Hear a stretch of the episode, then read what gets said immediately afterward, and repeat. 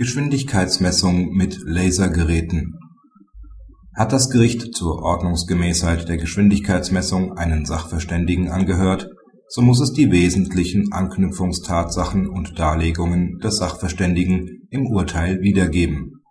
Das Amtsgericht sprach den Betroffenen vom Vorwurf einer fahrlässig begangenen Geschwindigkeitsüberschreitung frei. Es folgte den Ausführungen des Sachverständigen, wonach es nicht sicher sei dass die Messung zweifelsfrei dem Fahrzeug des Betroffenen zugeordnet werden könne. Auf die Rechtsbeschwerde der Staatsanwaltschaft hob das OLG das Urteil auf.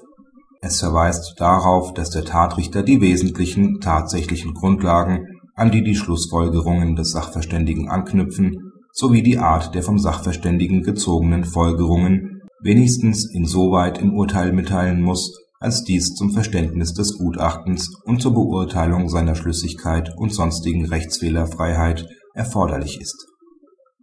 Diesen Anforderungen genügt das angefochtene Urteil nicht. Es enthält, so das OLG, keine Angaben über den Fachbereich des Sachverständigen. Somit kann nicht überprüft werden, ob der Sachverständige die erforderliche Sachkunde auf dem Gebiet der Lasermesstechnik aufweist. Ferner muss im Urteil mitgeteilt werden welches Messgerät zur Anwendung gekommen ist.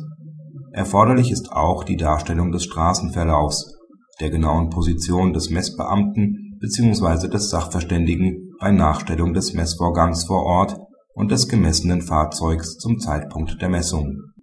Überdies muss im Urteil mitgeteilt werden, von welcher Strahlenaufweitung der Sachverständige für den Messbereich des anvisierten Fahrzeugs ausgegangen ist. Praxishinweis die Ausführungen des OLG zeigen, dass es sinnvoll ist, die Ausführungen des Tatrichters zu den Feststellungen des Sachverständigen genau zu überprüfen.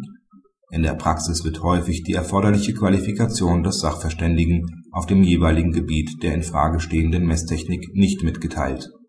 Dies ist jedoch insbesondere bei Messverfahren auf dem Gebiet der Lasermesstechnik erforderlich